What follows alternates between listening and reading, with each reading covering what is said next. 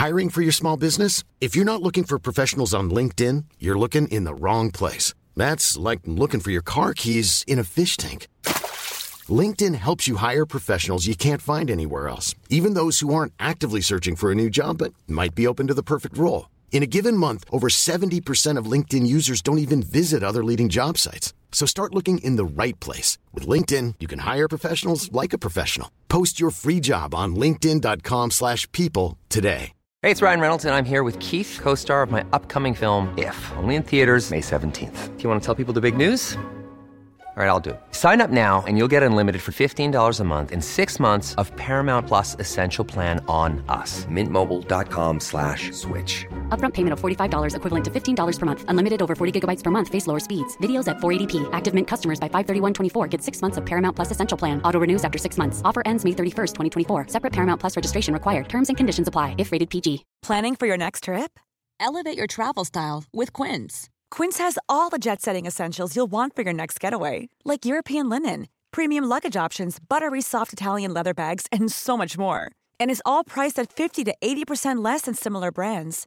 Plus, Quince only works with factories that use safe and ethical manufacturing practices. Pack your bags with high-quality essentials you'll be wearing for vacations to come with Quince. Go to quince.com/pack for free shipping and 365-day returns.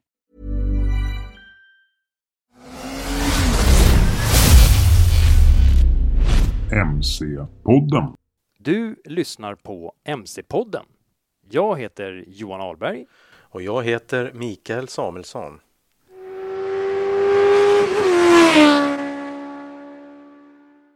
Jaha Micke, har du varit ute och kört någon hoj på sistone då? Eh, ja, faktiskt. Eh, jag tog ut eh, min andra hoj, Lillhondan, Mhm. CBR 600. Den tog jag ut och, och körde runt med. Härligt. Angenämt. Det, Ja. är, ju- det är ingen nyare hoj, men eh, det gick hur bra som helst. Ja, Skönt eh, ljud i rackaren. Så jag, jag åkte med den där. ja, Mm. härligt. Själv då?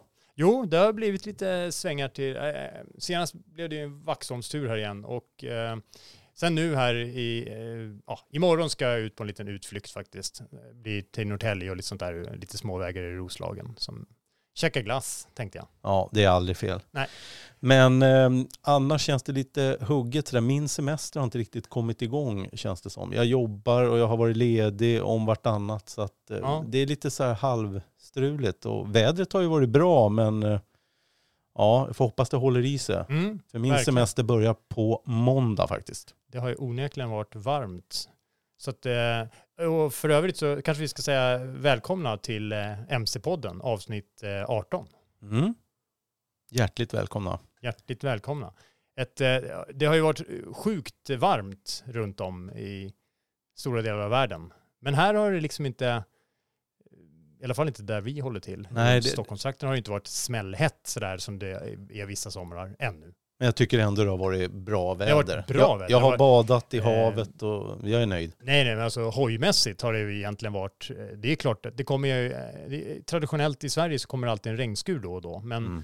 det har ju ändå varit hyfsat varmt och jag tycker personligen att det är ju föredra när det inte är så hysteriskt varmt för just hojåkningens skull. Så att, nej, jag tycker det har varit fantastiskt bra. Men annars då Micke, vad, vad, vad händer egentligen? Vad, jag menar, det är, normalt sett på sommaren brukar det ju vara ett så här nyhetstorka eh, rent allmänt i samhället eh, och eh, motorcykelbranschen är ju kanske inte- inget undantag. Det kommer ju mycket så här eh, enduro och motocross-nyheter eh, på den här delen av året. Eh, vi har ju sett från alla möjliga kärk och KTM och Gasgas och Beta och, och Husqvarna och sådär har ju presenterat 2024 års modeller redan. Men eh, annars är det ju lite sådana här blandade grejer. Kommer du på någonting sådär som du har lagt märke till? Nej men jag såg ju, det, det dyker upp lite grejer i ens flöde på olika sociala medier. Mm. Så att ehm, jag såg att eh, Suzuki firar 25 år med Hayabusan då. Just det. Så det kommer en jubileumsmodell. Ja. Spännande att se om den, för att det- den är ju, ja ska man säga, i ögonfallande. Alltså den, den är ju knall, eh, ja, orange, svart modell. Ser väldigt läcker ut. Ehm, och eh, att jämföra då med eh, första generationens, som vi har pratat om, Hayabusa, den här lite koppar silverfärgade. Ja, att, nej, den, den, den är ju speciell den här hojen. Ja, Men nej, det, blir, det blir lite häftigt. ja nej, men så, jag, jag har också sett den. Vi har ju lagt ut en nyhet om det på, på fastbikes.se där man kan läsa lite mer om just eh, den jubileumsmodellen. Och samtidigt så har ju även Yamaha, eh, de firar ju 25 år med sin R1. Ja, precis. Och Det hade vi, vi berättade ju lite mer om den hojen i ett tidigare avsnitt Mm. då, där vi hade en Gissa hojen. Eh, ja. Jag tänker inte säga vilket avsnitt, för om man inte har hört avsnittet kanske man inte Nej, vill nej veta. sä- säg inte det. Nej, säg inte nej. det. Och sen var det ju också eh, en nyhet om det där med BMW och deras eh, Connected Ride Smart Glasses. Då tänkte Mm. jag direkt så här, aha, okej, vad är det där nu då? Ja. För, för eh, själv är man ju så här, när man får något skräp i ögat, då, då, då blir man lite störd. Men det här ska alltså vara information som kommer upp i glasögonen. Ja, det är en så kallad head-up display-teknik där man liksom, ja, det projekteras på glaslinsen helt enkelt. Nej, det skulle vara sjukt intressant att testa. Jag, Ja. jag vet inte hur, hur eh, ja men det, vissa bilar har ju det där i, Mm. i vindrutan. Ja. Så att det är klart att det funkar, men Ja, de har väl bara överfört det helt enkelt. De har ju det. BMW bland annat har ju det i sina bilar, i vissa bilar. Och man får ju upp, eh, till exempel om man nu, jag vet inte exakt vilka appar som gäller, men eh, motsvarigheten till om man nu kör en vägbeskrivning med, låt säga Google Maps eller någonting, så får man att du ska svänga vänster om 100 meter eller och lite sån där eh, ja, allmän körinformation så. Ehm, så att, ehm, ja, är riktigt coolt. Och den finns i lite olika storlekar har jag läst och sådär. Ja. ja, nej, det, det skulle vara häftigt att testa som sagt, Mm. men eh, ja, vi får väl se. Ibland känner, men känner inte du ibland så här, alltså vi har ju pratat om det här lite med, vi började ju köra med de här Senas eh, blåtandssystemen så vi kunde chitchatta med varandra när vi Mm, ute och körde mm. och sådär. Och så då, började ju, då pratade vi om det här att, att det är ju ganska skönt att inte bli nådd Mm. och inte störas av andra saker än, ja, helt enkelt inte störas av någonting, bara njuta av hojåkningen. Ja, Och då är, tänker jag lite så här, vad hände med det här härliga, bara en, eh, jag ser framför mig en varvräknare med vit botten och en, en eh, gul eller en röd nål som liksom bara sticker iväg som en ja, klocknål. Liksom. Det, det, det är ju något speciellt med det. ja Och nu, det är ju det. Ja, nu har man ja. någon digital stapel i något hörn någonstans. Ja, men var inte teknik egentligen nu bara, Nej, utan nej, nej, nej, nej, jag nej. förstår vad Men du eh, menar. jag tycker att det är häftigt. Jag Ja. älskar teknik. Och, eh, Men det är skönt funkar. att bara kunna koppla ifrån ja, det där. Ja, och det kan man ju självklart. Det är väl bara Ja, att stäng stänga av den. mobilen då kör och stäng av din eh, sena där så jag inte kan prata med dig. Ja. Det är väl inga problem. Nej, och apropå det så har ju Cardo, som är eh, liksom en annan sån eh, framstående tillverkare av sådana här blåtandskommunikationssystem för bland annat motorcyklister. De har ju hittat på någon, någon slags ja, upp, uppdatering av sitt system nu som gör att eh, man eh, på ett jätteenkelt, smidigt sätt tydligen ska sömlöst kunna ansluta till exempel till oss som kör med sena eh, blåtandsenheter och Mm. sånt. Annars måste man hålla på och trolla lite med det där har jag förstått. Man ska låtsas att det är en eh, telefon och inte en blåtands... Ja, ja, det är lite sånt där. Så hux flux kan man prata med alla sen. Ja, precis. Kommer alla prata i mun Ja. på varandra. Ja. Jaha. Men annars, jag vet att eh, det händer grejer för dig här nu bara om några dagar. Mm, på måndag, då åker Ja. jag ju till Norge som jag har sagt. Alltså på... nu, bara några dagar efter att det här avsnittet kommer ut. Ja, exakt. Ja. Vi pratar ju fredag nu om man lyssnar Mm. på när det släpps. Och då är Precis. det på måndag, ja. Ja. Exakt. Eh, ju- 24 juli Mm. är det då. Ja. Eh, Då åker jag iväg eh, på måndagen där tidigt och drar till Lillehammer för KTM eh, Adventure Rally då, då Mm. som ska vara vid Lillehammer. Och det är tre eh, kördagar och sen så blir det ju tillbakafärd på fredagen då. Mm. Och enligt uppgift då så är det ju ja, 150 deltagare. Man ska checka norrmän. Och Ja, i- ja, koner? akkurat. Ja, det är klart. Ja, eller vad det nu Inte kallas. koner. Ko är det inte det fruarna kan ja men det är där? koner kanske man Ja, säger. någon det nej, koner, det är ja, orangea på, på marken. ja. Nej men det ska bli jättespännande, allvarligt talat. Jag ser jättemycket fram emot det där. För Mm. att eh, jag, jag kikar ju lite på eh, förra året så här, i södra Frankrike, såg ju eh, exceptionellt trevligt ut. Ja. Och Och Norge är ju hur vackert som helst. Ja. Så att jag, jag ser fram emot det där. Sen är det lite evenemang, det är ju lite grejer på kvällen och lite så här interna tävlingar och jag har läst på lite där. Så mycket KTM-profiler. Mm. Så att eh, ja, Ja, det ja, blir... Du får väl både chans att köra med och chitchatta och prata med massa intressanta, Säkert, jag hoppas på det. Vi får se vad det ger. ja, och även alla, alla vanliga dödliga hojåkare såklart som är troligtvis ganska eh, KTM eh, frälsta. Ja, garant, garanterat. Ja. Så att jag tror att vi, vi får väl parta på ett par hojar där så det blir 1290 och 890. Så Mm. jag, får, jag får säkert möjligheten att provköra båda. Mm, Mm. roligt. Ja, jag är lite avundsjuk måste jag säga. Ska Jag det vara? Ja, eh, Norge är ju annars lite sådär, um, vår gode vän Elving Solli, Mm. han, han brukar ju hålla på med de här till tops och hålla på greja. Han har gjort det. massa år och håller på att leta fram och massa grusvägar i Norge. Men annars är ju de ganska svårtillgängliga sådär. Alltså det, det är mycket sådana här förbud och, och, och sånt kring att åka i Norge. Så, att, Mm. så det är häftigt att liksom få möjligheten att utan problem få tillgång till massa. Jag utgår från att det inte kommer vara massa problem med det i alla fall. Vi får väl se.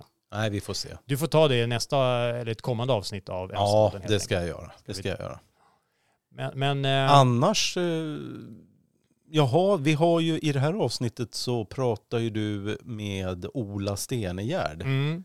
Det blir nästan ett litet, eh, vad säger man, Ola Stenegärd specialavsnitt det här. Ja, För det, det, är en, det blev en lång intervju. ja, det blev ett långt Men- samtal, ett riktigt porträtt av Ola Stenegärd. Och, eh, Vem är denna Ola? ja, men det är, det är en person som du och jag har träffat ett antal gånger i olika internationella sammanhang, eh, som på eh, EICMA, alltså motorcykelmässan i Italien och andra tillställningar. Det är en riktig äkta gotlänning i grund och botten. En designguru. Han är en av världens främsta designers i motorcykelsammanhang. Ja, upp, upp, upp. Eh, nu sa du gotlänning. Finns det risk för hans dialekt här? Att, man, Eh, ja, att det kan bli svårt? Och, jag har ju en kollega som är gotlänning. När han pratar fort, jag förstår inte vad han säger. Så jag, jag ber att han tar om det där. Men, men Ja. går det bra med Ola eller? eh, det tycker jag. jag. Jag älskar personligen eh, gotländsk eh, dialekt och eh, Ja, den är fantastisk. det är svårt att inte tycka om Ola. Så att, Nej, eh, bra. jag, jag, jag råder er till att eh, Lyssna flera Tvätta- gånger ifall man Ja, inte... precis. Tvätta öronen och lyssna noga och eh, uppmärksammat. För det är en riktigt härlig, eh, trevlig story om en riktigt passionerad motorcyklist som, ehm, ja, nej, ni får höra själva. Men kort och gott så har ju Ola ritat och byggt och skapat motorcykelkonst under i stort sett hela sitt liv. Alltså vi pratar, han började svetsa med pinne, med elsvett, när han var sex år gammal. Eh, Men han har i alla fall varit ledande Otroligt. designer både på Indian Motorcycles i USA, där han nu är... eh, Kan, kan du säga hans titel där? ja, Tio gånger snabbt. eh, Ja, den är lite klurig faktiskt. Jag, han, han kommer säkert höra av sig, det blir säkert fel i alla fall, men Director of Industrial Product Design. Eh, så han är helt enkelt eh, direktör, eh, eller designdirektör, chefsindustridesigner på, in, på Indian Motorcycles i USA. Men innan det, som, han började där våren 2018. Han har varit där en vända tidigare för länge sedan också. Men innan det så var han mellan 2003 och 2018 så jobbade han som designer på BMW. Ja, Och just där, det. Där För, känner, ja, för det, det kommer jag ihåg när vi, vi var väl på Eikman när vi träffade honom. mm, Ja. absolut. Och då, han ligger ju bakom HP2 Sport, S1000RR och R9T va? Mm, Det är rätt häftigt. det är väldigt häftigt. En svensk, en gotlänning som ligger Ja, bakom de Och jag kan säga så är här stort. att i reportaget så får vi höra att han, han ligger bakom, vi pratar ett 30-tal BMW-modeller som han har varit involverad i i olika, ja, olika former. Då, då. Som, han har varit alla möjliga, det heter team leader och head of vehicle design och ja, han har i alla fall varit högst involverad i just utformningen av de här uh, kända BMW-motorcyklarna. Uh, eh, Ja. Ja, men då tycker jag det är dags att eh, vi lyssnar på Ola och hör vad han har att säga om hur allting började för honom.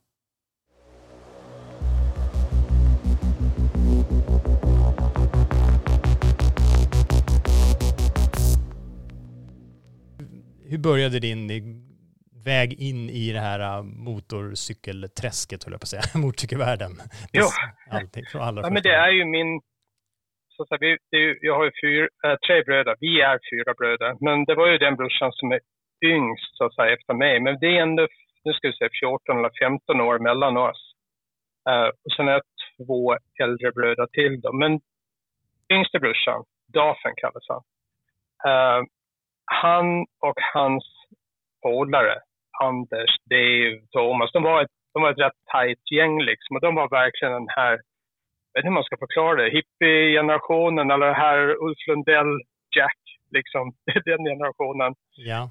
Och då var det liksom, och de var ju inne på hojar allihop liksom. De, och när jag kommer till ihåg de första mopparna liksom, kommer jag svagt ihåg. Då var jag inte gammal liksom. Men, och sen 125arna kommer jag ihåg såklart. Eh, det var ju, då var det ju uh, synda, uh, synda på 125 och alla skulle ha Texas-styre liksom. Det var det som gällde. Men det var ju, de, allting de höll på med på två hjul gick ju liksom åt shopperhållet. Det skulle vara shoppers, det skulle vara ombyggt. Mm. Och när de blev 18 så var det direkt någon som, någon köpte en och, och någon hade en Harley Sportster. Och det, det var liksom, det var Easy Rider och det var den, den stilen som gällde stenhårt. Det var bara shoppers. Mm. Så det känns som det var, det var inget så här som man ens funderade på utan det var ju självklart, varenda cykel jag hade så, så förlängde man gaffeln. Mm. Det var bara så liksom. Och sen ska man ha på en asball, dyne, sissebar. Uh, Ja. och det ska byggas om och göras eget. Det var, det var liksom det som gällde. Och de var hela tiden, ja men ska man hålla på med hojar, då ska det vara shoppers. Ja. Det fanns inget annat. Mm. Så Ja. det, det var, jag, man var liten, man, liksom, man tänkte inte ens, ja men det är såklart det ska vara en shopper liksom. Det är asfalt. Mm. Och sen var det en tid då där mitten på 70-talet, när jag var 6-7 år, jag är född 70, Mm. så där mitten någon gång, 76, 77, det var otroligt mycket hojgäng på Gotland. Ja. Alltså Sofia Hoggs var nere, uh, Denvers var nere, alla de här klassiska gamla svenska klubbarna, Hydet, alla var ju på Gotland på sommaren. Och man såg ju, alltså jag låg ju, jag låg verkligen i dikeskanten och väntade på de här hojarna. Mm. Så fort man hörde liksom att det mullrade, först kollar man, är det Oske? Nej, det är inte Oske. Ja, men då är det ett Harley-gäng. Och då sprang jag ut och la mig i dikeskanten liksom och väntade. Ja. Och det var en sån jävla, alltså tänk dig då sex, sju år, solen skinade liksom, tyst och lugnt på landet och så kommer det här, det var som ett litet krön där vi bodde, där vår gård låg då. då. Mm. Och så kom de här, det här gänget upp över krönet.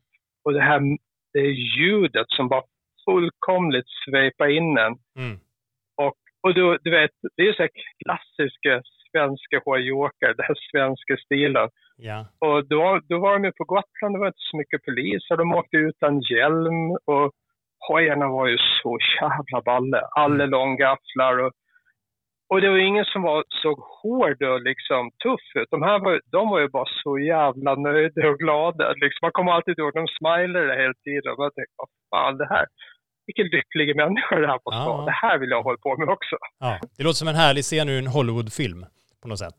Men det var så. Det, liksom när det var sex, sju år och de här far förbi och, och de vinkade och låg och liksom, du vet. Mm. Alltså det var helt, ja det där gick ju aldrig ur. Det sitter, jag- jag får ändå gåshud bara jag tänka på det liksom. Mm. Så att, eh, ja, så att det är såklart, varenda cykel man hade, jag, jag, kunde, jag, jag, jag kunde fan inte cykla innan jag hade byggt om den första cykeln. Ja. så så jag, jag tjatade ju på, brorsan hjälpte mig rätt mycket med liksom svets och fixa, men sen när han inte hade tid då tjatade jag på farsan, men han, han hade ju absolut inte tid för han hade ju gården att sköta. Mm. Så att de, de lärde mig, liksom farsan lärde mig hur man svetsar. Uh, pinsvets, det var ju bara det vi hade, det var ju på en borggård liksom. Mm. Så jag var runt 6-7 när jag lärde mig, jag ska inte säga att jag lärde mig svetsa, men jag kunde svetsa ihop åtminstone en förlänga en gaffel och få den att hå- hålla samman. Det var ju liksom, du vet, slagg och skit. Och jag kommer ihåg, jag var så liten, det var så jävla svårt att styra pinnen. Men då, då gjorde mina bröder så, för de jobbade liksom hem på gården och fixade donor med maskiner hela tiden och byggde om och lantbruksmaskiner liksom. bytte motorer i traktorerna. Så det var mycket aktivitet i, i gårdsverkstaden. Uh, så de började köra så att de sätter sig ner halva pinnen, så la de den där pinnen halva som var kvar i en kaffeburk och de var till mig. Och då kunde jag liksom hantera den där pinnen lite lättare. Mm. Och det var lättare för mig att svetsa liksom. Ja. Men så jag, jag, jag svetsade ju, förlängde ju gafflar på varenda hoj här i grannlaget liksom. Alla kom hit med sina, sina cyklar och så var det, så var det långgaffel som gällde. ja, det var skitkul. Ja. Så det var ju så det började. Men, men vad, vad blev sen då? Vad blev eh, första motorcykeln då, för egen del? Eh, då när vi var, ja, när vi, vi håller på med cyklarna. Men sen när man blev så här kanske 10, 11, 12, då var det ganska tråkigt att trampa. Och då var det liksom att, men, ah, men moppe. Men det var ingen av oss som hade råd till moppar liksom. En moppe kostade då, kommer jag ihåg, liksom 300-350 spänn. Det var ingen av oss som hade de pengarna till en mm. moppe. Mm. Men det var ju grejen, vi, bod, vi var ett gäng kids här som alla bodde på bondgård. Och varenda bondgård, det var ingen som slängde något på den tiden. Så nästan i alla de här gårdsverkstäderna så fanns det en hylla med gamla motorsågar. Så vi liksom bara, vänta nu, det där, fan en sån måste man kunna hänga i en cykel eller en förstärkt cykelram. Och ja, bygga, vi kallar dem för motors, motorsågsmassaker. Ja. Det var vårt namn liksom. Ja. Så att, ja, det var det vi gjorde. Vi hängde i motorsågsmotorer i, i gamla mopperamar som man fick gratis eller förstärkta cykelramar. Oh. Så körde vi på slungkopplingen så länge den höll. Och sen så bytte vi bara. Mot, för det fanns så mycket gamla motorsågsmotorer och de var ju kraftiga på det. Det var ju gamla 50-60-tals motorsågar. Det var ett jävla drag i dem alltså. Det gick mycket bättre än en moppe. Så länge den här slivkopplingen höll. För vi hade ju inte räknat ut att det skulle växa låda. Mm. Så att vi körde bara rakt, rakt av liksom. Rem eller kedja på det gamla kedjeuttaget. Ja. Och sen, sen den här slumkopplingen så länge det bara höll liksom. Ja. Det låter som en ja. fantastisk uppväxt i, i mina öron, men ehm, Ja, jag förstår att det var mycket Ja, det var ju byggen. skitkul. Men vi var ju redan då ett gäng som, som hängde ihop. Och det mm. är ju det gänget som sedermera bildar den här motorcykelklubben, SUG MC då. då. Mm. Så vi hängde ihop genom cyklar, eh, motorsågsmopparna, vanliga moppar, 125 och det var så självklart liksom. Det var aldrig så här bara, oj, undrar om man ska börja köra motorcykel. Eller mm. undrar om man ska tjacka en 100... Nej, det var liksom bara, det var helt självklart att nästa steg liksom. Mm.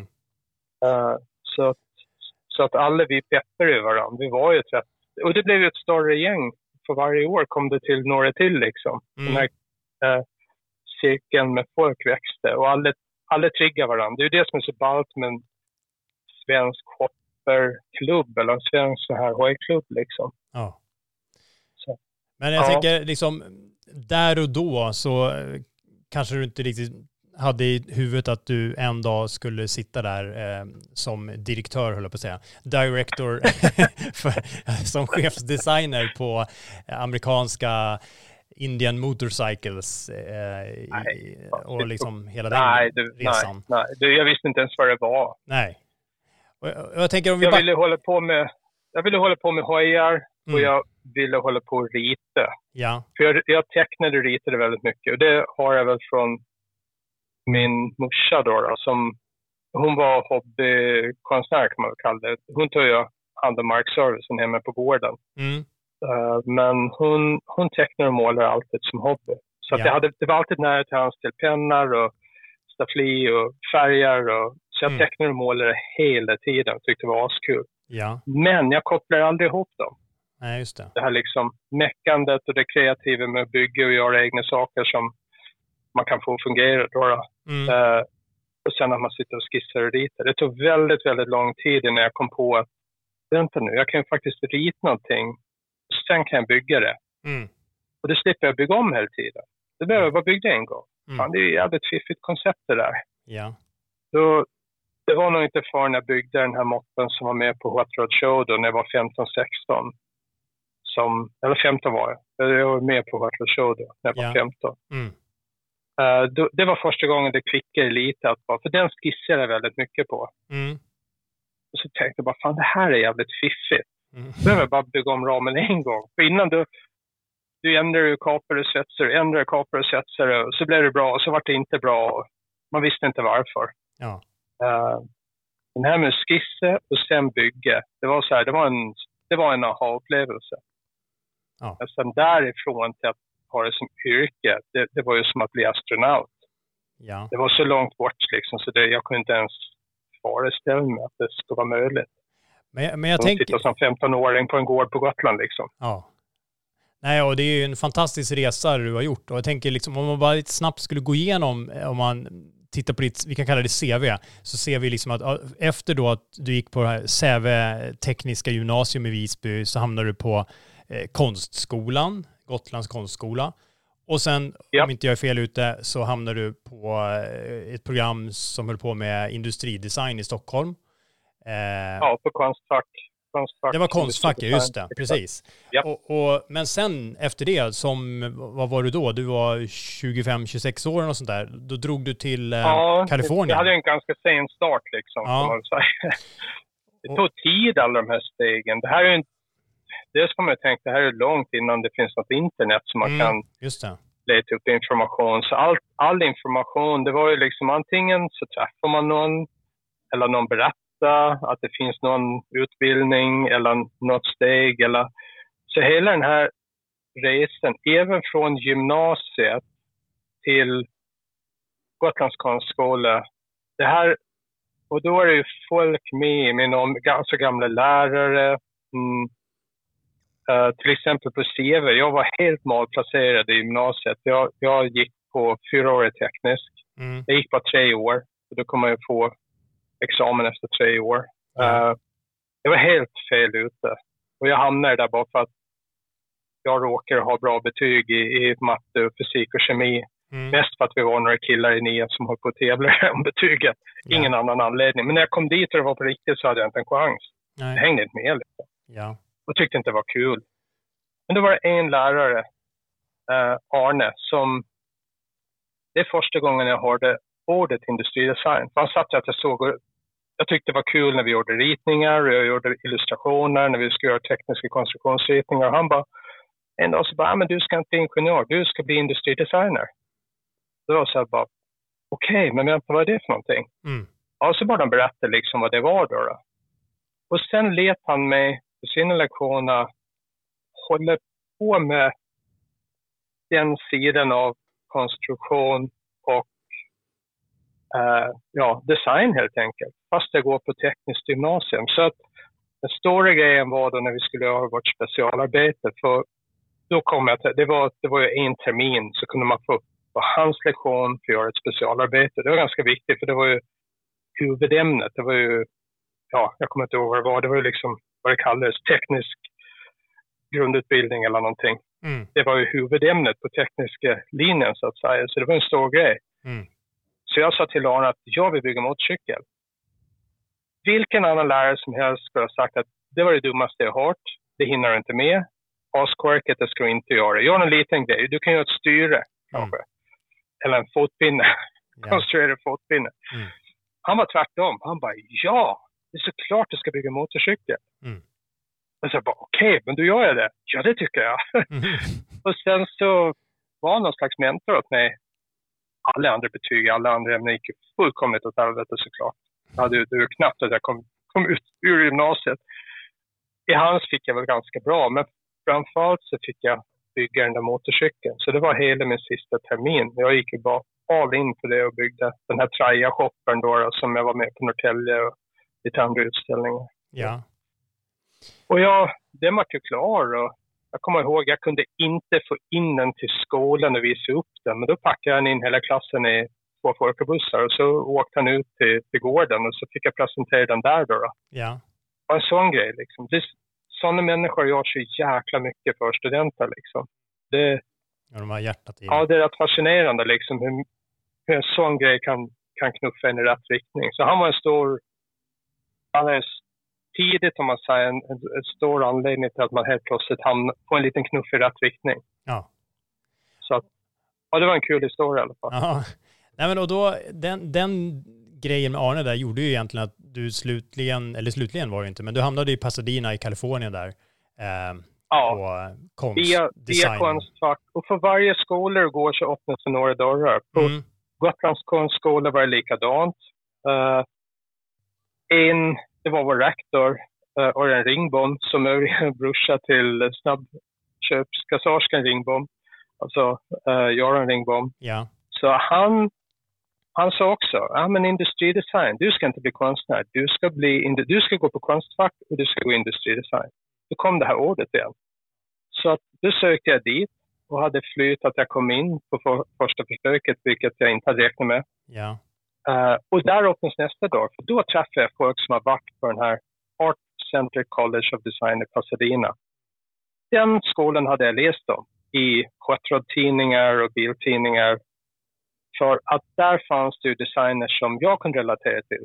Chip Foose, Tom Taylor, de här som ritade hot rods och Ja. hade asballa skisser med i tidningar som Wheels och Power och de här tidningarna som man, man läste då, då de svenska hot rod-tidningarna. Mm.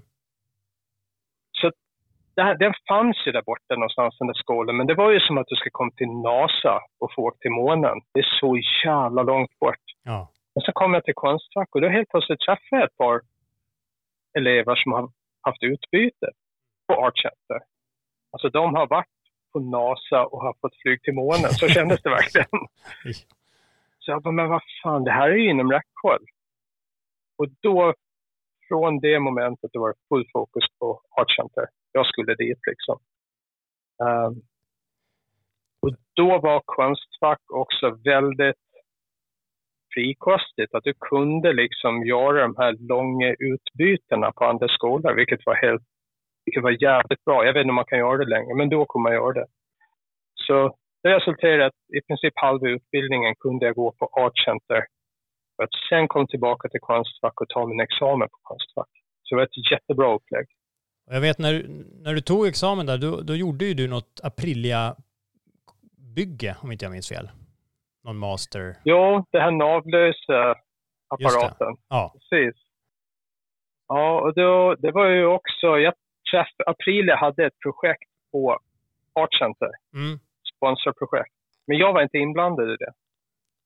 Men de råkade gå förbi, för där var ju, då, då hade man rum där ett gäng studenter satt. Så vi var, vi var fem, sex stycken som hade ett rum. Och såklart, min vägg var ju full med motorcykelskissar. Så att Aprilia-ledningen gick förbi och bara wow, vänta vad är det här för en filur liksom. Mm. Och erbjöd mig, undrade vad mitt nästa steg var. Och jag sa jag ska hem och ta, göra exjobb. Och då frågade de om de fick lov att sponsra det. Rakt upp och ner. Så den kontakten tog jag med mig när jag kom till, eller jag, hade, jag gjorde klart allting med Aprilia. Så när jag kom tillbaka till Konstfack, då var det i princip bara att trycka på knappen. Uh, åk, åkte ner till Noale i Italien och, och, och fick en halv, halv Aprilia RSV med mig hem då, som jag kunde använda som grundbult i det här, Ja. det här navlösbygget. Exakt. Men, men sen vet jag ju, sen har ju du gjort massa sådana här olika, jag ska inte säga projekt, men lite olika grejer med UCC och MCM, eh, tidningen. Eh, att du frilansade, gjorde lite eh, kröniker och lite, vad sa vi, lite, du, du höll på och gjorde Ja. lite designgrejer och byggde en hoj och lite sådana grejer. Och lite skissar. Ja, just det. Precis. Och Elins var även involverad i det. Ja, så att mitt första jobb direkt ur skolan, det var faktiskt med bilar. Det var på Saab i Trollhättan. Ja. Största anledningen till det var att lärarna på Art Center sa att de tyckte, med all rätt, att jag skulle inte gå direkt till motorcykelindustrin. Utan jag skulle ta ett par, som de kallar det, läroår i bilindustrin. Och det hade de jävligt rätt i. För att motorcykelvärlden då i alla fall var inte så strukturerad. Nu håller de med någon slags industristandard precis som på bilsidan. Men då var det lite... Studios hade olika sätt att arbeta och, de sa kör först på bilindustrin för där kan du verkligen lära dig processen och lära dig industrin och det är mycket bättre som ett första steg ut ur skolan. Så jag tog det på allvar fick jobb på Saab. Så att jag var tre år på Saab eh, och fick vara med på massor. Då var Saab så litet så att man fick direkt vara med på massor produktionsprojekt. Så det var jätteroligt. Mm. Uh, otroligt duktiga designers. Superduktiga modellarer, så det var en väldigt, väldigt bra, precis som mina lärare hade sagt, en mycket bra skola liksom att lära sig ja, yrkeslivet så att säga. Um, men då hade jag chansen, för jag kunde inte släppa HR såklart, så hela tiden vid sidan av Saab så kunde jag vara med på alla möjliga HR-projekt. Och då var det bland annat så, så gjorde jag lite skisser åt MCM och sen gjorde vi den här Caminari Hondan tillsammans som var ett projektbygge i MCM. Eh, Berlins kände jag lite från mitt examensjobb. De hade hjälpt mig med fjädring och sånt till, till den här prylen. Och de hade, de hade ju en ganska avancerad utvecklingsavdelning då som jobbar mycket med Yamaha. Det var ju när man Yamaha ägde. Så de, de jobbar på väldigt mycket innovativa, eh, väldigt framtids... Eh, tittar väldigt långt fram i framtiden. Väldigt konstiga innovationer och, och ja, bland annat den här tvåhjulsdrivna Yamahan Eh, fick jag skisser på. Men de kom på mycket nya fordonskoncept. Ofta var det så här, det här är en jättebra idé, en superkul, eller intressant konstruktion vi har ingen aning vad, vad man kan använda det till. Kan du göra några skisser? Ja, men det här skulle man ju kunna tänka sig att det kan bli en skoter eller det kan bli en racehoj eller det kan bli en ATV. Och det fick jag vara med då, att, göra skisser som så att säga kunde visualisera vad de här koncepten kunde bli, de här tekniska koncepten. Så det var ju skitkul. Det var ju verkligen space jobb. Men det här just att jag jobbar för Saab de, hade, de spelade ingen roll att jag frilansar i tvåhjulsindustrin. Så ja, det var mycket moonlighting där och det var ju sjukt kul att, att vara med på alla de här projekten vid sidan av. Sen vart det inte så mycket som då, då men ja, det hade man vant sig med på Art Center. Man behövde inte sova så mycket. Och det var ju, vi fick ju barn då också, så det var ju, det var ju full gas i, i, ja, i alla läger liksom. Ja. Det var kul. Men sen då, eh, strax efter 30 års ålder där så bar jag av till Gilroy i USA igen för att hoppa på tåget med Indian Motorcycles. Första gången på Indien, ja. Precis. Också en otroligt spännande story egentligen. Ja. Um, och där någonstans kände jag mig ganska klar med bilar. Tre år på Saab. Det har varit jättekul, men nu var jag klar liksom, kände jag nu vill jag, verk, nu vill jag hålla på med det, allt detta vill jag hålla på med och det är motorcyklar. Och då får en, det här är lite kul, det här kommer tillbaka lite senare igen, den här cirkeln av människor i, som man stöter på i livet. Liksom. En lärare från Art Center, före detta designer på BMW, ringer till mig och säger att han har tagit chefsjobbet för det nyuppstartade Indian Motorcycles med högsätet i Gilroy. Det är första gången som de äntligen har löst alla de här lagliga mm, ja, innehavet till brandet så att säga. För det hade varit på vift sedan 53. Så det var, det var jäkligt komplicerade brand, ja, vem som äger brandet och olika länder. Ja, det var en riktig soppa, men de hade lyckats att få rätten till märket den lagliga rätten till märket. Då, Det var första riktiga uppstarten på Indian Motorcycles. Uh, han hade tagit jobbet och han kom ihåg mig från skolan för att jag var, det var ju alltid i plugget på jag och han ringde och frågade om jag hade lust att, att hänga på. Så det var ju, jag tvekade inte en sekund. Och Therese och Isak var ju bara några år då, men Therese tyckte att ja, men det är ju skitkul. Jag är ju ändå hemma just nu liksom med barn så att vi, vi kör. Så att vi packade containern och flyttade till, uh, uh, ja, i närheten av Santa Cruz bodde vi. För det är ju höjd med Gilroy då. då. Spännande. Så. Ja, det var, det var kul. Och där, där var det, det var då i några år?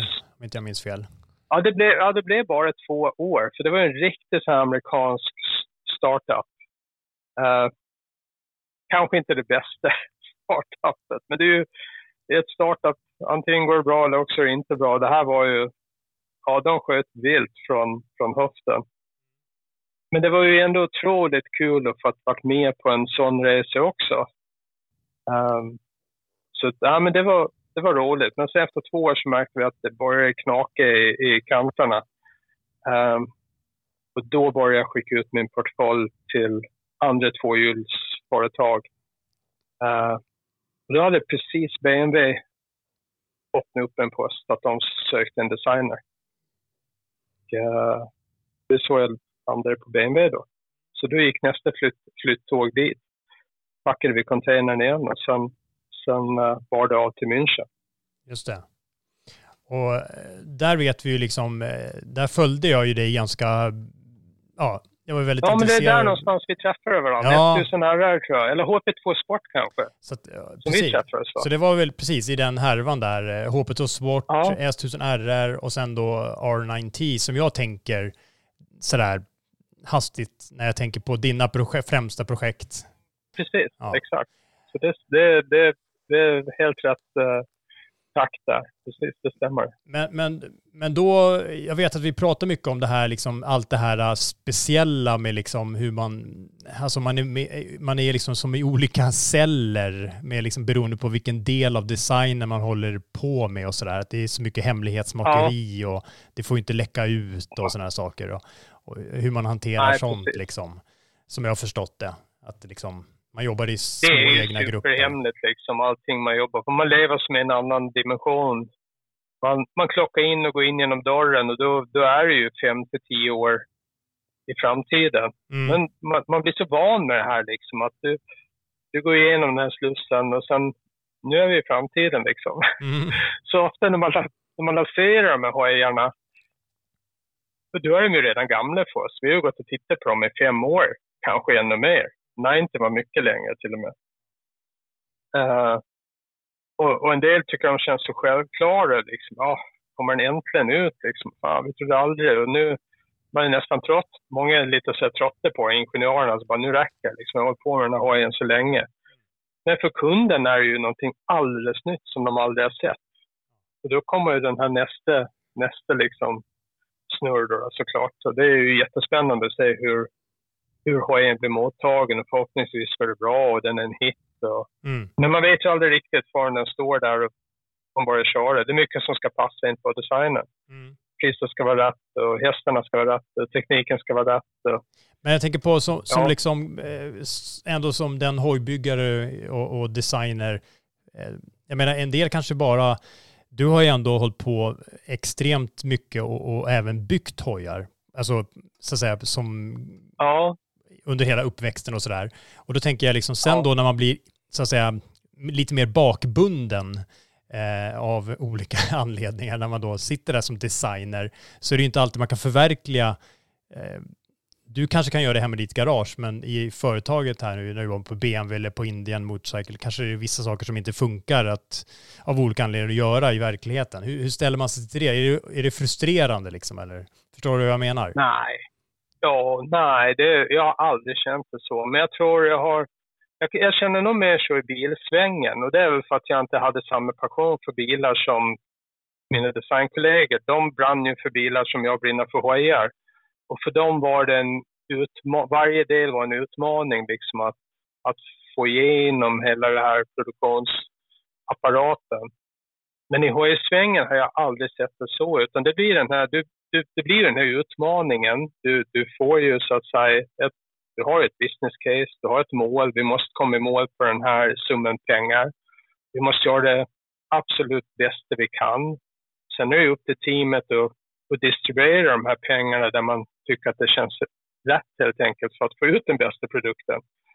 Och det är ju en jädra, det är, det är ju skitkul. För det, det låter som det kanske är jättetråkigt, liksom, pengar och design och man tänker att ja men for, form, det finns en sån saying liksom att uh, du känner till form follows function.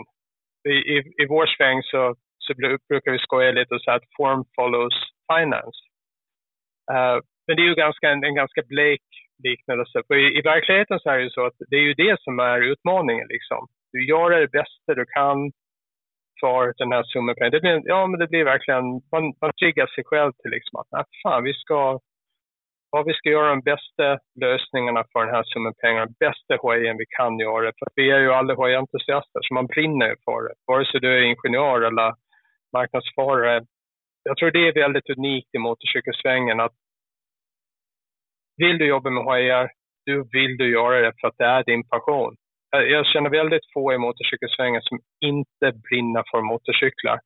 Medan i bilsvängen måste jag faktiskt ganska många som, ja, det spelar ingen roll om de är ingenjörer i bilsvängen eller om de ja, jobbar på ett ingenjör för ett värmeverk. Liksom. Det, det var liksom, ja, var pengarna rätt och det var på rätt ställe och det var bra, ja, då kunde de hoppa över och byter jobb. Det spelar ingen roll på något sätt. De triggades av andra grejer. Men alltså, i HS-svängen är det väldigt få jag träffar som, som rycker på axlarna, utan de brinner för hojar. Så att, att jobba i sådana team, det blir aldrig tråkigt. Och det blir aldrig tråkigt även om det...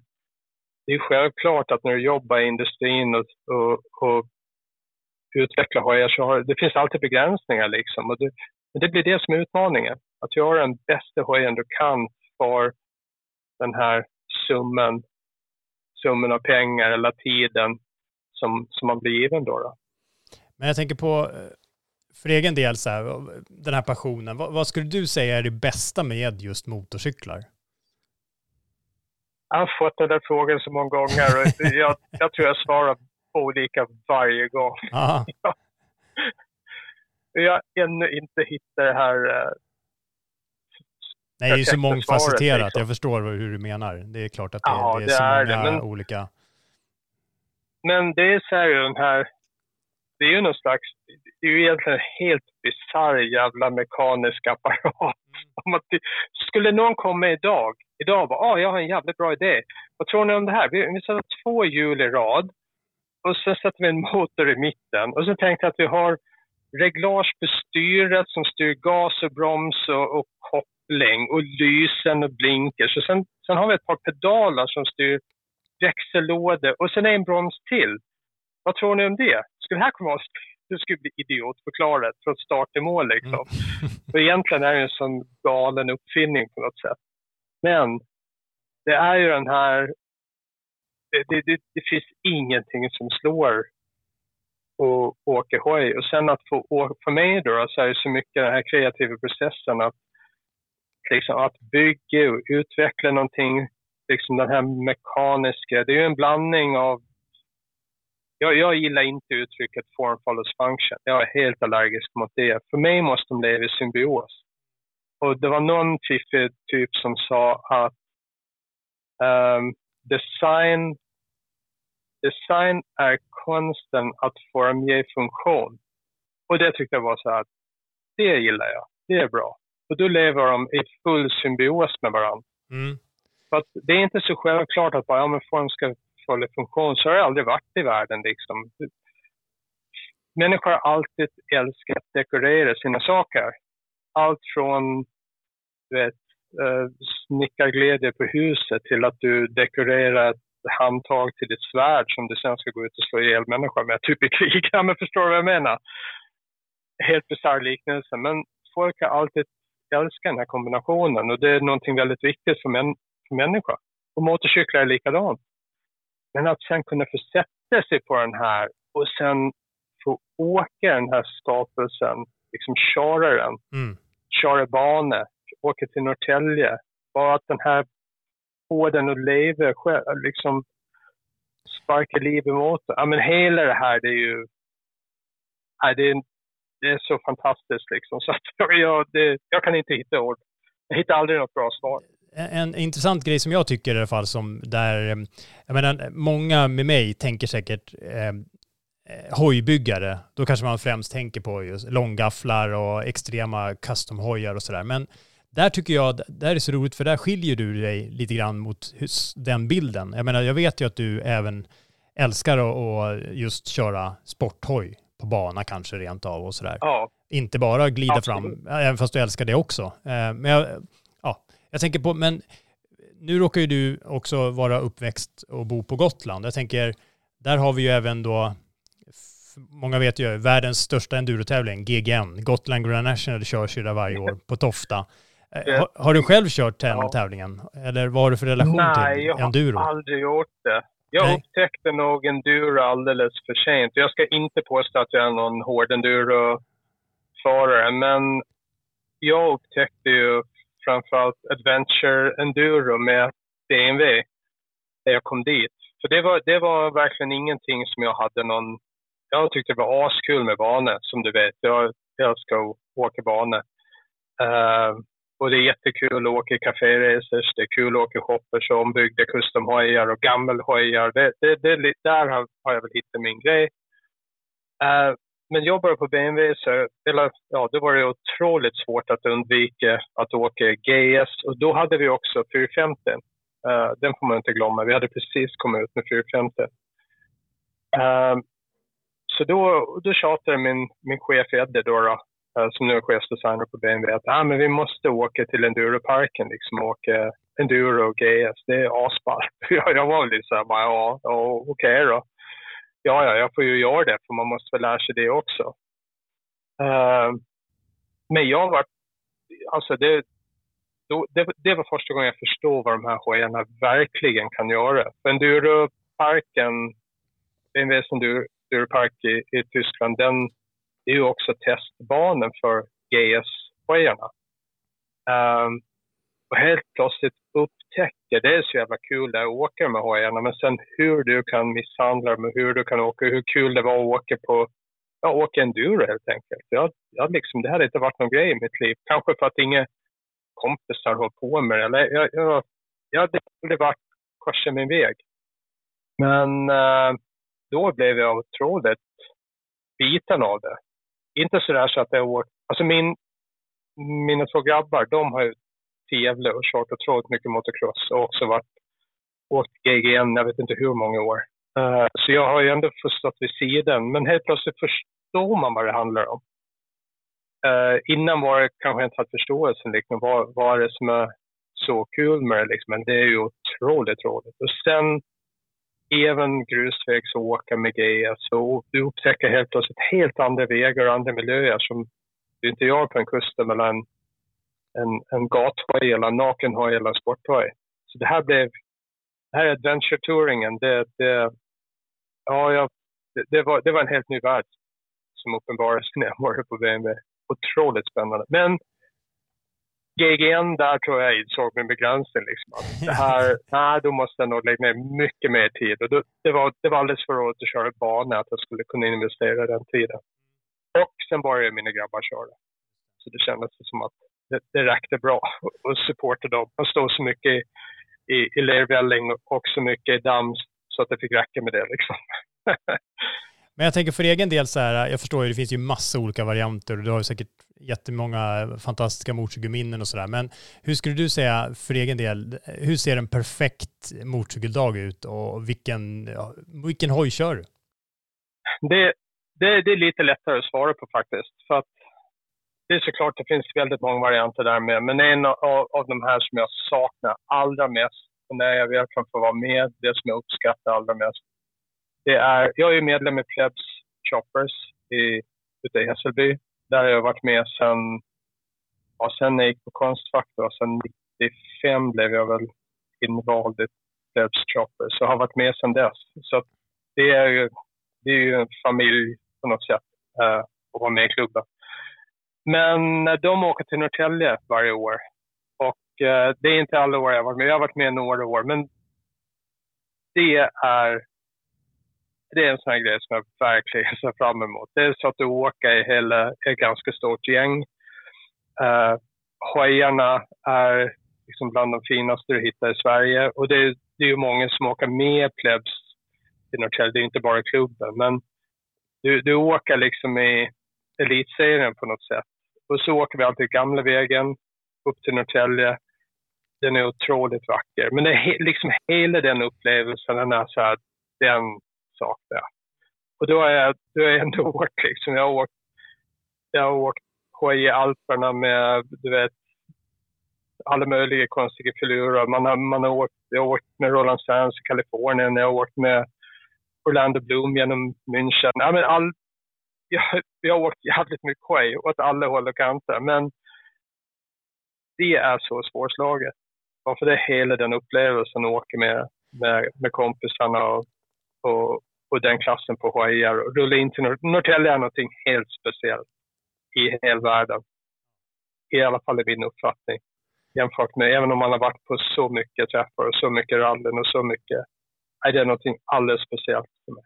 Så att, i alla fall, det, det är alltid mitt svar på den frågan. Ja. Jag kommer alltid tillbaka dit.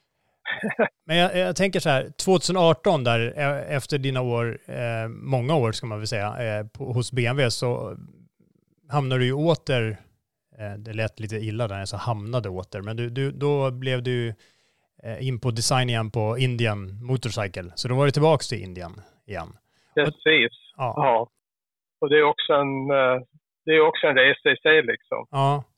Jag tänker så här, hur mycket saker, jag förstår ju att under resans gång under alla år, så när du typ åker med plebs, och det måste väl hända ibland att du kanske ser en lösning som någon har gjort som du kan ta med dig i bakhuvudet sådär, som sen kanske du skapar en egen sak av på något sätt. Förstår du hur jag jo, tänker? Så det tror jag alla designers gör. Jag mm. tror det var någon som liknade oss vid äh, tvättsvampar. Mm. som var, man liksom, du blir ju influerad hela tiden liksom tills svampen är mättad och när du sätter dig vid ritbordet så kramar du ur den här svampen. Och, men det, och du blir ju inspirerad. Och det, jag, jag, tror, jag tror det är få designers som kopierar liksom. Men det är såklart att bli inspirerad. Ibland ser man ju smarta lösningar och fina lösningar och det var ju mycket det var ju anledningen också att jag, när jag fick chansen och kunde så ville jag också involvera eh, till exempel Roland, Roland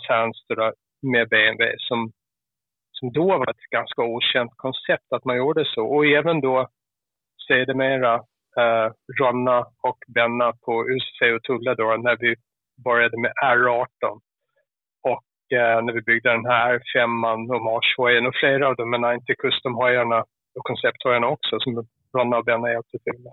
Just det. Uh, och det var ju därför jag ville ha med dem, för det här är folk som jag alltid har sett upp till och respekterat. Och, och jag, för mig var det ganska självklart när man skulle göra de här projekten att det är quirket att inte ta med dem i projektet. Det här är otroligt duktiga custombyggare som eh, ja, som kan så mycket mer än bara bygga en custom. De har en helt annan förståelse på höjdsvängen liksom. Så att eh, det tog lite tid att övertyga BMW, men efter vi hade gjort de här projekten, den första med Roland Sands, då, då förstår de, då förstår de liksom vad jag menade. Och sen fick jag väl lite fri biljett att, att göra som jag ville där och det var otroligt kul de sista åren att, att få landa in de här människorna i projekten utifrån. Då, då. Mm.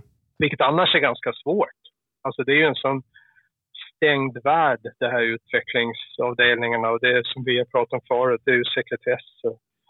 Men, men att få ta med de här, de här otroligt duktiga människorna på resan, det, det har varit skitkul. Mm. Otroligt spännande. Jag, jag, tänker så här, eh, när man gör, eh, när du skapar en motorcykel från scratch, så där, Ibland gör man väl det. Jag menar, ibland kanske man bygger vidare på en, en, en befintlig modell och utvecklar den vidare och sådär. Men jag tänker på, ja. eh, jag tänker nu när vi börjar liksom titta in i, i, kulan och ser fler och fler elektrifierade fordon, eh, alltså elmotorcyklar helt enkelt i det här fallet. Jag tänker på, vad, vad, tror du om det? Och jag tänker på, jag tänker just för att motorn i sig har ju varit en sån stor, inte bara en, en framåtsträvande sak som gör att motorcykeln åker framåt, utan också en, en detalj i designen. Eh, och jag tänker, vad skulle du mest sakna i en framtid där kanske alla motorcyklar är eldrivna? Jag tror att det är precis den koden alla försöker knäcka just nu. Så du sätter verkligen huvudet på spiken. För att en motorcykel är ju en, det är en cykel med motor. Motorn har för mig alltid varit hjärtat i en motorcykel. Med en bil är det lite annorlunda. Du slår till huven. Du, du vet att det finns där, men ja, en skoter kan man säga likadant. Det, vi, när vi har gjort research på skotrar så många vet inte ens vad som sitter under skalet. De är ganska ointresserade av det. Den ska gå bra, det ska vara bra klipp från rödlyset när du går i Italien eh, eller Milano. Men, men jag tror det, här, det, det är det här som blir som är så, det är utmaningen liksom med elhojar. Hur ersätter du det här hjärtat som, som drivs av som drivs av gamla dinosaurier? Hur, hur ersätter du liksom den, dels det visuella men också alla de här emotionella bitarna som, som, som hänger ihop med det? För det är ju verkligen centrumet på hojen. Ja, har det alltid varit liksom. Du har ju motorn så bygger du allt runt det är lite som en tavla liksom. Du har, ja, du har ju ramen runt tavlan. Den ska också vara bra, men den ramar ju in själva bilden. Och bilden är ändå hur elaborate ändå den här ramen kan vara på en, på en gammal stor oljemålning som hänger på ett skott så är det ändå bilden som är hjärtat. Men jag tror det är den där, det där alla kämpar just nu. Såklart, vi jobbar ju också på det här, men vårt är ju ändå jättehemligt. Och vi jobbar ju mycket på det på BMW också. Men när man tittar, tittar ut på det som alla försöker, så det, det är ju där de kämpar. Mm. Liksom hjul och ram och så, ja men allt det där faller rätt snabbt på plats. Men vad gör man med hjärtat liksom för att få samma upplevelse visuellt sett och emotionellt sett som en, som en motor? Svårast är såklart en cruiser en sporttoy, mycket kåpor, kanske lite lättare att komma undan. Men vad gör du på till exempel en cruiser eller en lifestyle hoy, heritage hoy? För där är ju allting handlar om motor. Ja, det är otroligt spännande, men jag tror det är knäcker den koden. Det, det är precis det som alla håller på att kämpa med just nu. Mm. Jag tror ingen riktigt, riktigt har gjort det än. Jag kan ju tänka mig alla etablerade motorcykelmärken också har ju en, liksom en bakgrund som är annorlunda än eh, så att säga nya företag som bara helt enkelt börjar som Zero eller andra märken som inte har haft eh, motorcyklar med förbränningsmotorer utan bara helt från scratch börjar med mm. elmotor. Jag menar, då har ju inte de den historiken och många tänker ju Indian kanske eller Harley Davidson och sådär. Det ska vara den karaktären med, det är motorn är ju så oerhört viktig. Uh, så att, uh, ja, allting handlar ju om den på något mm. sätt. Det är ju ikonen liksom. Ja. Det är ju hjärtat. Ja. Uh, det blir spännande att se var, var, var, var det kommer att hamna. Jag tror att den här, hela den här burken den håller ändå på att skakas rätt rejält liksom, innan alla bitarna faller på plats.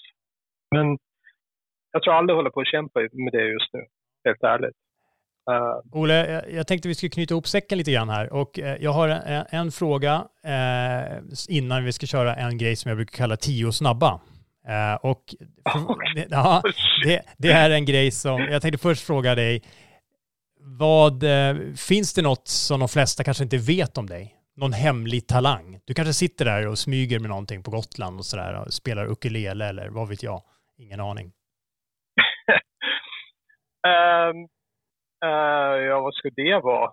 Något sånt som brukar överraska folk som kommer hit är väl att jag, um, jag bygger, bygger och snickrar otroligt mycket själv. Alltså byggnadsvårdsbiten, för det var någonting jag höll på med när jag var 20, liksom, 18-20 innan jag hamnade i designsvängen. Mm.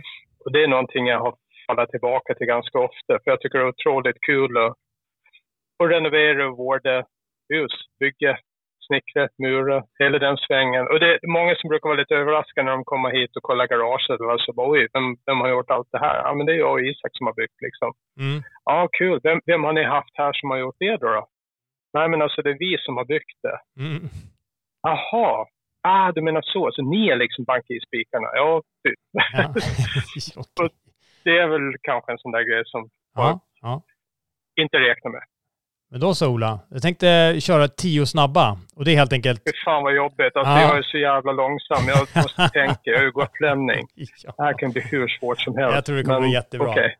Det är helt enkelt... Det kommer att bli de långsammaste tio snabba du varit med om kan ja. jag säga. Ja, det går bra i det här fallet tycker jag. Och jag vet inte, du kanske har hört, men det är helt enkelt två alternativ. Du får välja ett. Eh, och eh, först tvåtakt eller fyrtakt.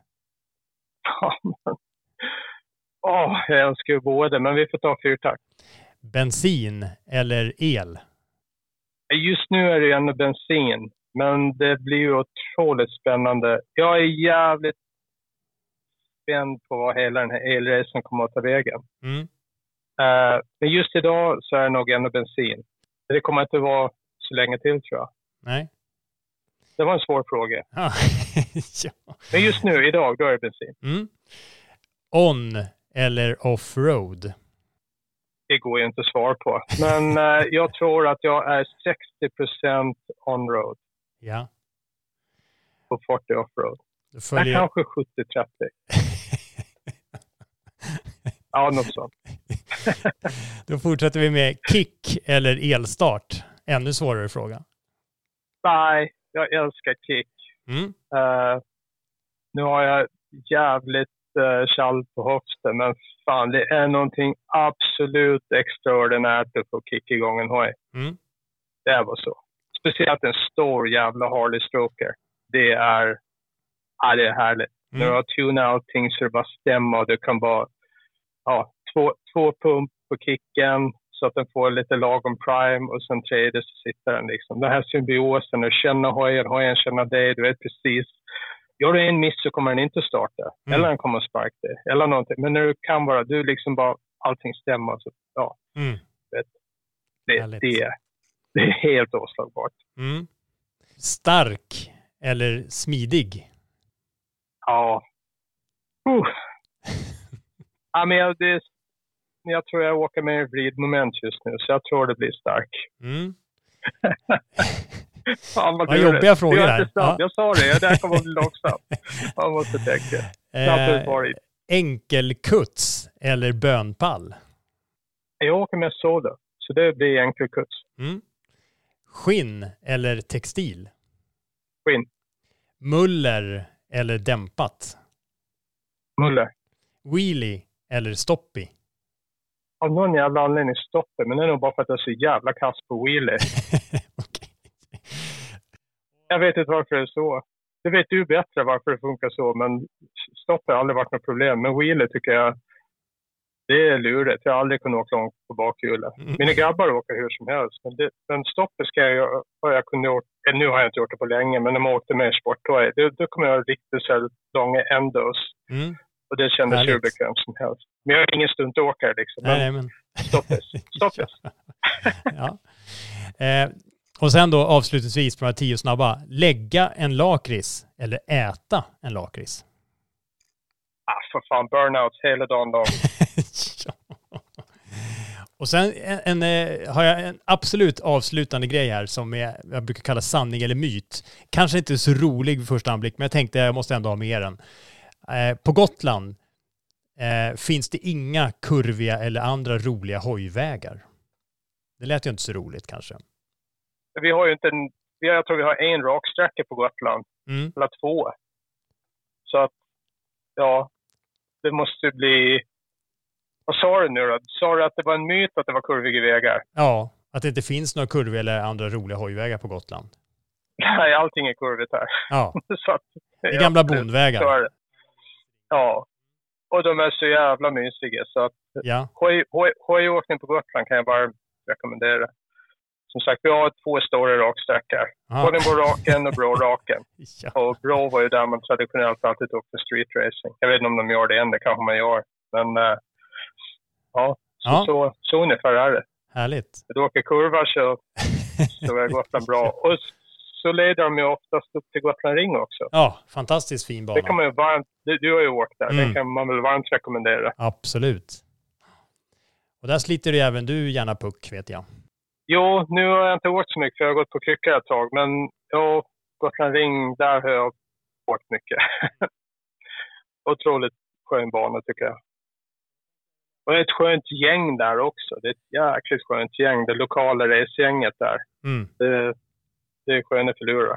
Jag, jag, jag vet ju, du pratar ju om dina söner och så eh, tidigare, deras hojåkning. Men jag vet ju också att Isak är eh, ute på egna äventyr numera och går lite i dina hojspår, skulle man kunna säga.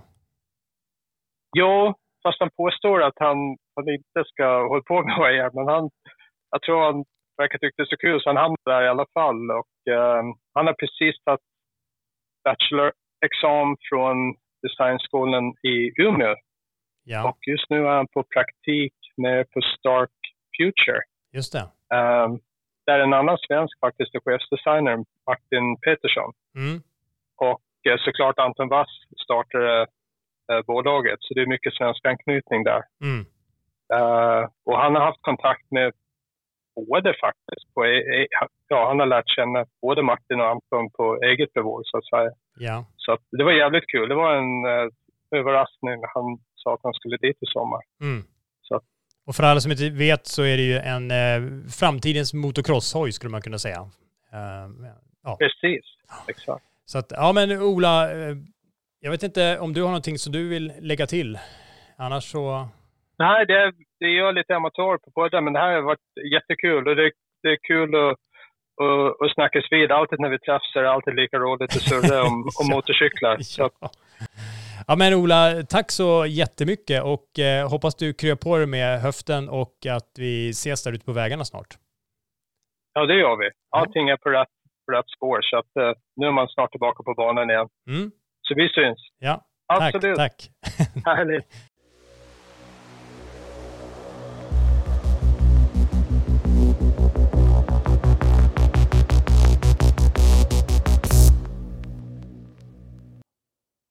Ja, vilken, eh, vilken fantastisk personlighet och vilket MC-liv han har levt. Mm. Ola. Underbart. Ja, jag ser framför mig liksom hur, eh, hur jag, när jag var ung, då var det ju väldigt mycket limpcyklar. Det var liksom Crescent, eh, Rodeo, Mac 1 och vad, vad de nu hette.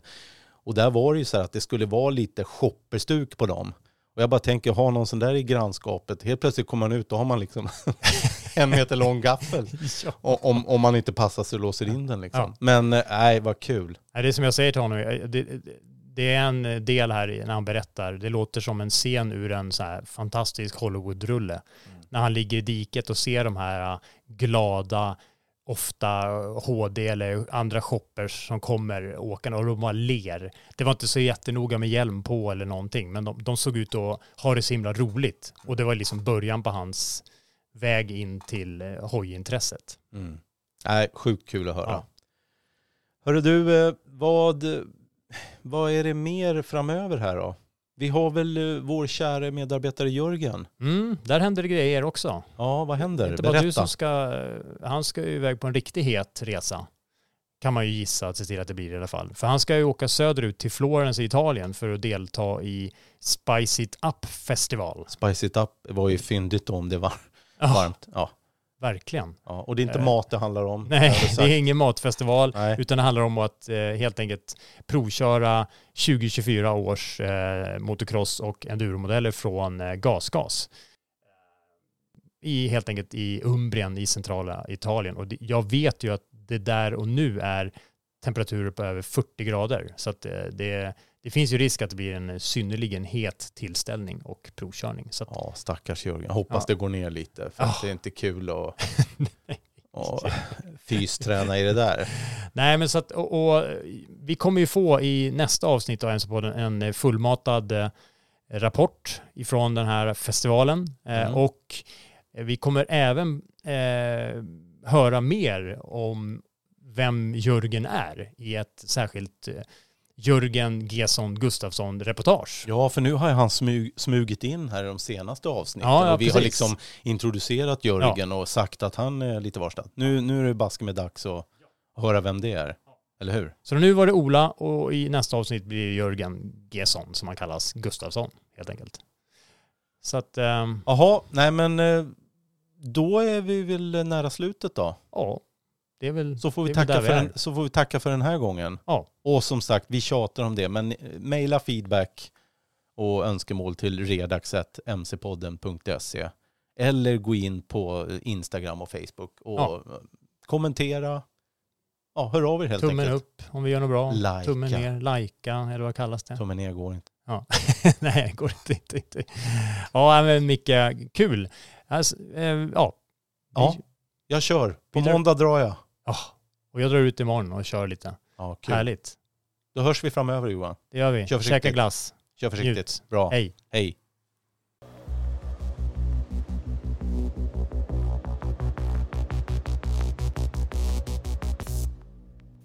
Du har lyssnat på MC-podden.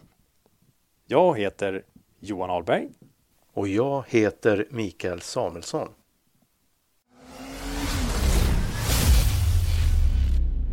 MC-podden. Planning for your next trip?